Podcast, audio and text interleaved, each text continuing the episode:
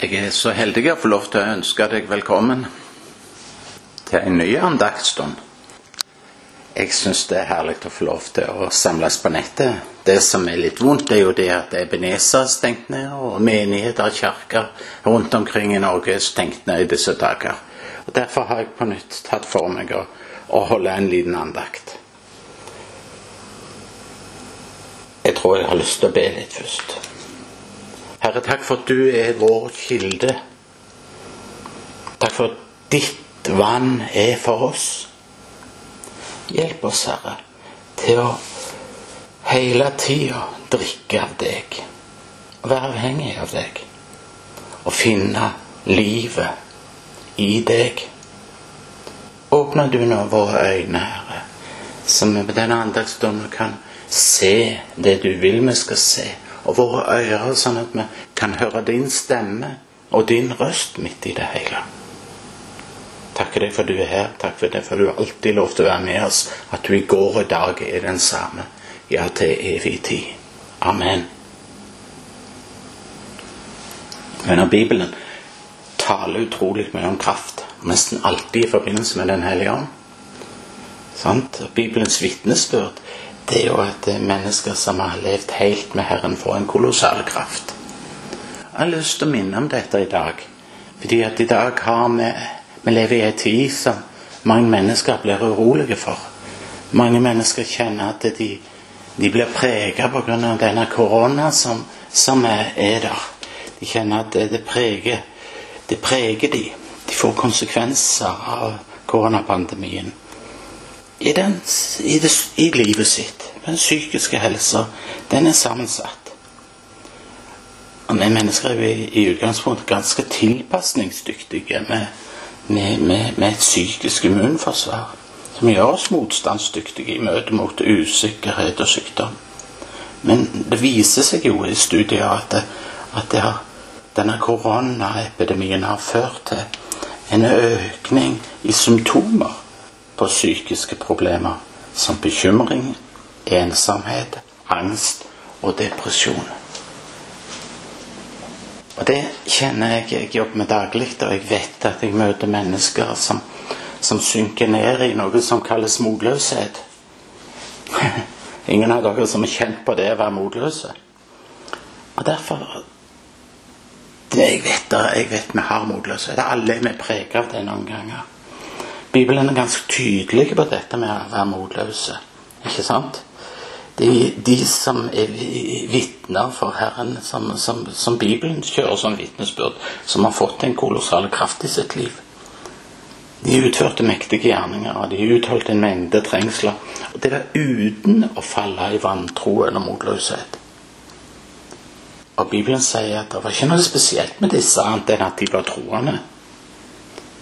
For det er med Guds kraft det hadde skjedd, ved Den hellige ånd. Og Når vi kjenner at vi lever i denne tida rundt oss her, vi kan alle bli angrepet av, av, det og kjenne både motløshet, tristhet, depresjon, ja, angst, uro med repeterende tanker som, som kommer for hva, vi skal, hva som kommer til å hende med oss osv. Så og sånt. Da kjenner jeg at det er mitt ansvar å forkynne om at vi skal få lov til å legge vår liv i Herrens hender så kan man komme der akkurat sånn som jeg, og få lov til å legge ditt og mitt liv i hans hender. Du vet, Bibelen fremhever ikke noen menneskelige egenskaper eller menneskelige krafter. Disse trosheltene som de beskriver, kunne utholde motløsheten. Men det ene alene var det at de hadde mottatt noe fra Gud, nemlig troen og Den hellige ånd. La det få lov til å være til deg i dag. Oppbyggende. Ordet jeg har lyst til å dele med dere, er fra, fra ordspråkene 24. Jeg har talt over det mange ganger, men aldri i en sånn situasjon som vi befinner oss i. For det har vært til meg, og det har vært til Aud. Så står det Viser du deg motløs på trengselen sterk, så er din kraft liten. Ordspråkene 24.10. Viser du deg motløs på trengselens dag, så er din kraft liten. Hører du hva Bibelen sier? Er du motløs når det er prøvelser og trengsler? Er du motløs, er da kraften din liten. Vi kan stå i mange ting med Guds kraft. Vet, nå er det sånn med fleste ting i Guds ord at det, det krever på en måte et gjensvar fra oss. Sant? Det er ikke nok med bare å høre ting. Vi hører så utrolig mye. ikke sant? Det, det, men det vi hører, det må føre til en reaksjon inni oss. Enten forkaster vi det, eller så stiller vi oss likegyldige til det, eller så tar vi imot det. Det er de tre tingene vi kan gjøre i dag òg med dette ordet som vi fikk. Og vi viste oss motløse på trengselens dag. Da var vår kraft liten. Vi kan forkaste det. Vi kan stille oss likegyldige til det. Eller vi kan ta det imot det. Og tar vi imot det, mine venner, da må vi forholde oss rent praktisk til det. ikke sant? Hvordan gjør vi det? Jo, vi må gi det et skikkelig gjensvar. Viser du deg motløs på trengselens dag, da er kraften din liv. Dette er et realistisk ord. ikke sant? Det beskriver en situasjon. Og da får vi spørre oss har jeg liten, eller har jeg stor kraft.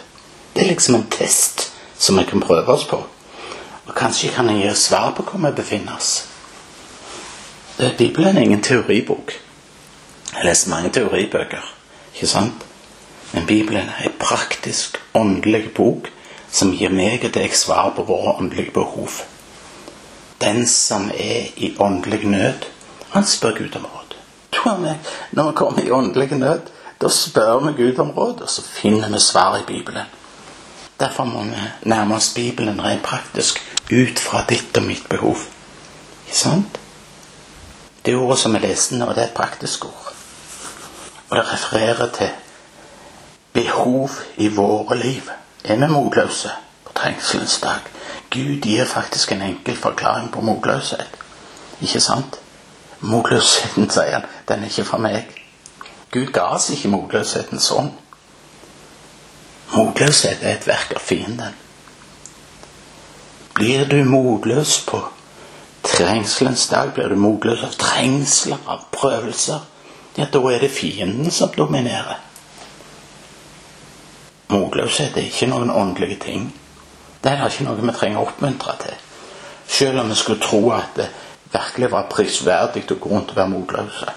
Noen ganger ser det jo sånn ut. ikke sant? I enkelte samtaler så ser det ut som det gjelder å være mest mulig motløse.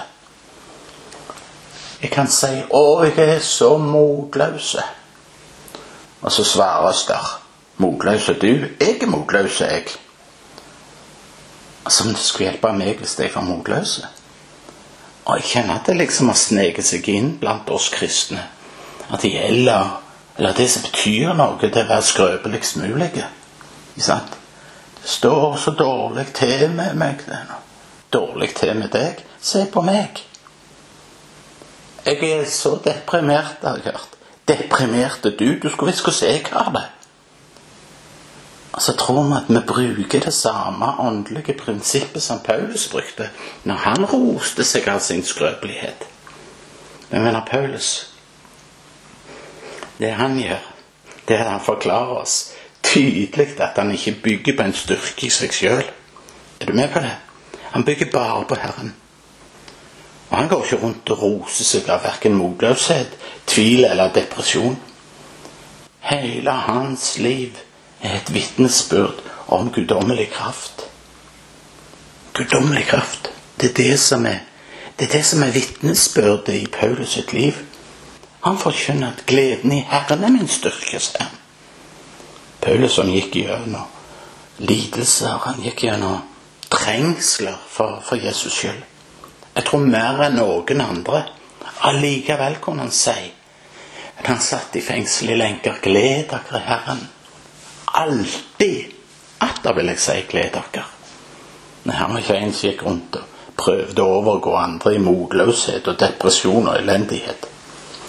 Nei, Paulus, du, han hadde en klar bekjennelse.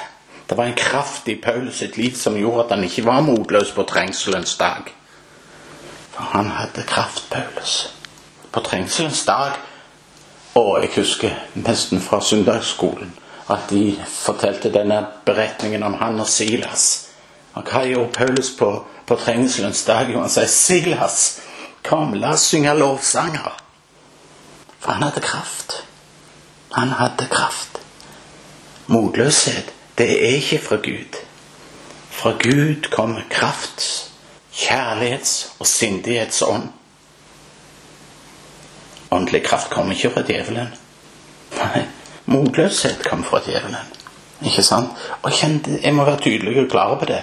Når motløshet hersker, så er det fienden som dominerer i våre tanker og vårt sinn. Og fordi han dominerer, så er det dette som gir seg uttrykk i motløshet. Jeg tror det er viktig å være presis og sette navn på deg. Motløshet kommer ikke fra Gud. Gud ga oss ikke motløsheten ånd. Og takk og lov for det, sier jeg. Hva var det Gud ga oss? Jo, han ga oss krafts, kjærlighets- og sindighetsånd. Eller visdom.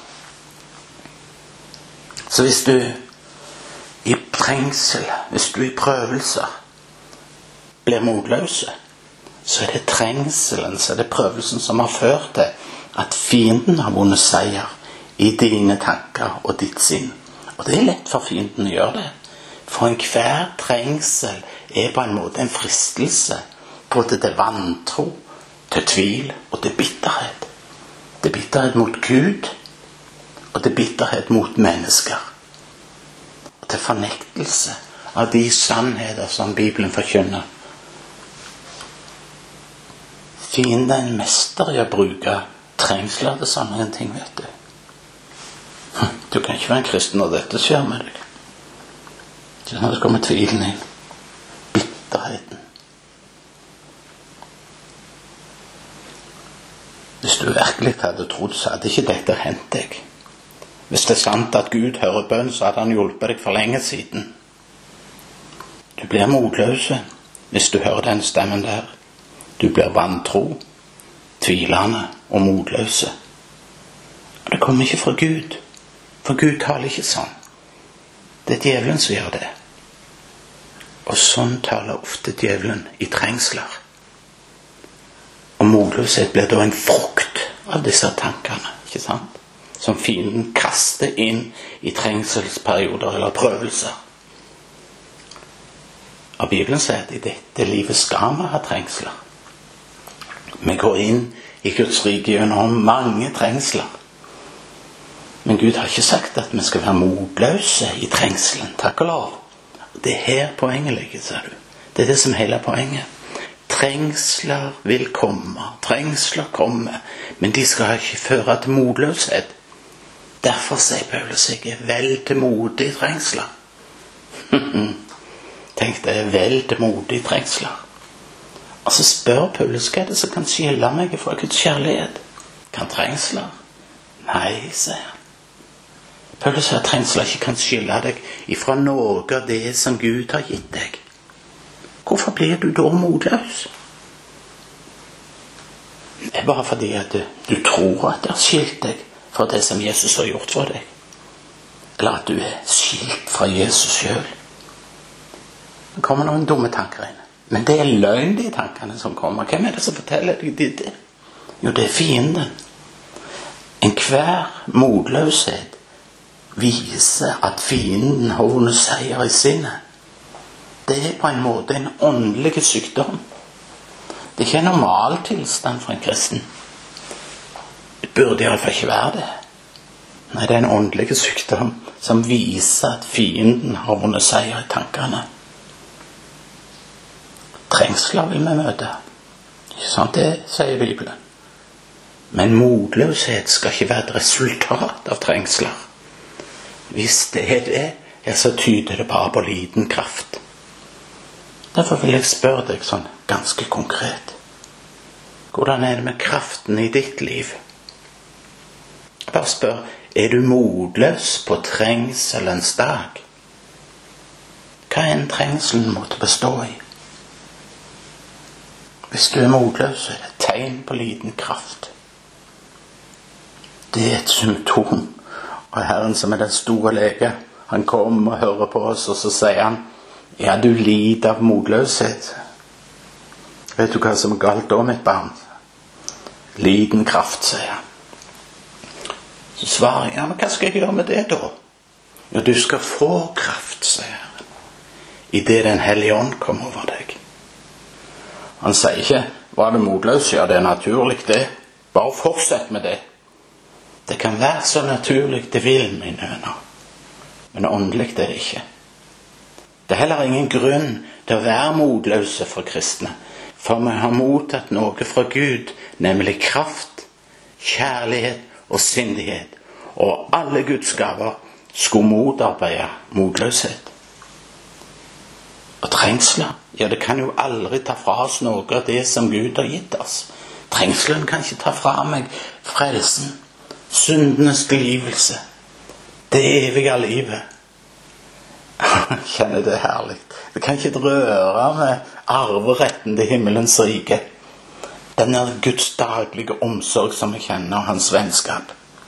Ingenting av disse ting kan trengselen ta fra meg. Ingenting. Ikke deg heller. Viser du deg motløs på trengselens dag, da har du liten kraft. Du vet, Vi kristne er jo utrolig flinke til å herliggjøre elendighet.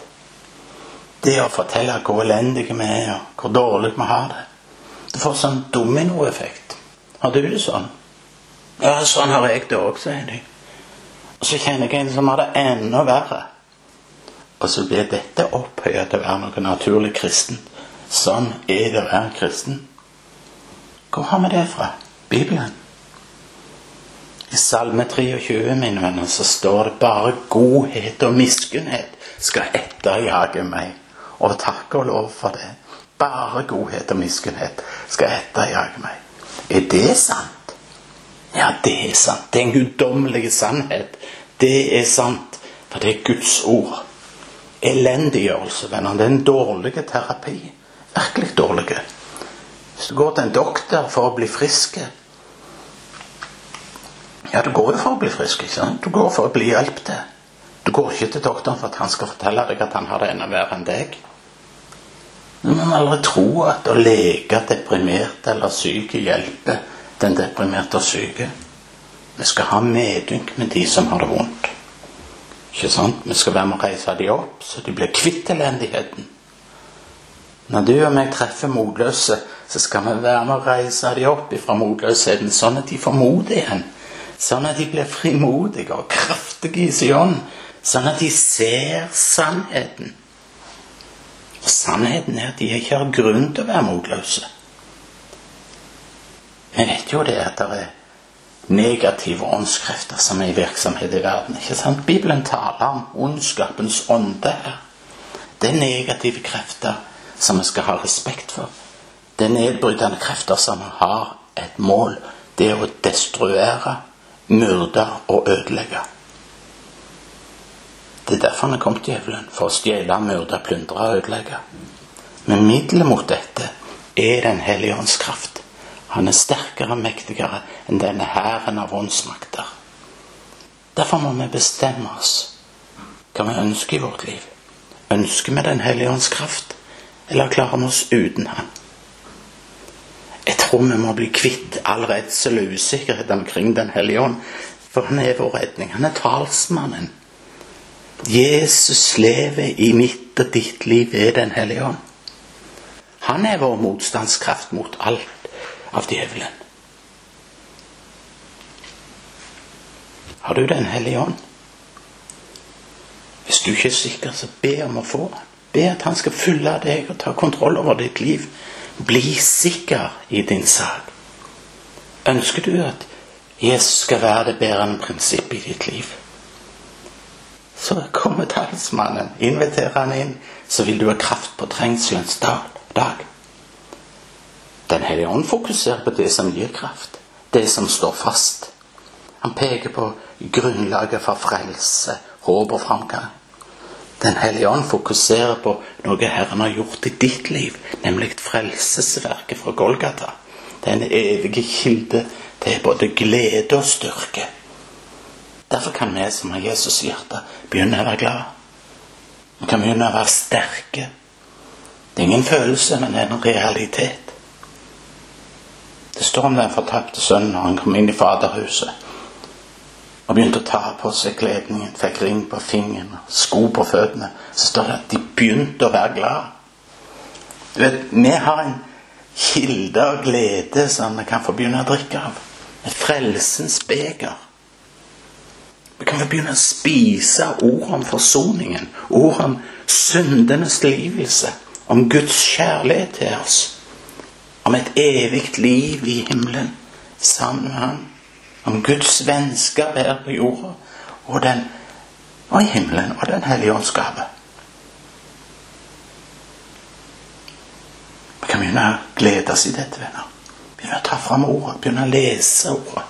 Gjør det. Begynne å bekjenne dem. Dette ordet det er sant, det gjelder for meg. Men sannheten er at når vi fokuserer på Jesus, på hans frelsesverk, da er vi sterke. Jeg tror det er tid nå for å slutte med vår egen navlebeskuing. Diagnosen er stilt. Du trenger mer kraft. Og det kan du få her i dag når du hører til denne andakten. Tilbudet til deg er her. Trenger du kraft? Se på Jesus. Fest blikket på ham. Gud i dag overøser deg av kraft, kjærlighets og sindighetsånd. Amen. Amen.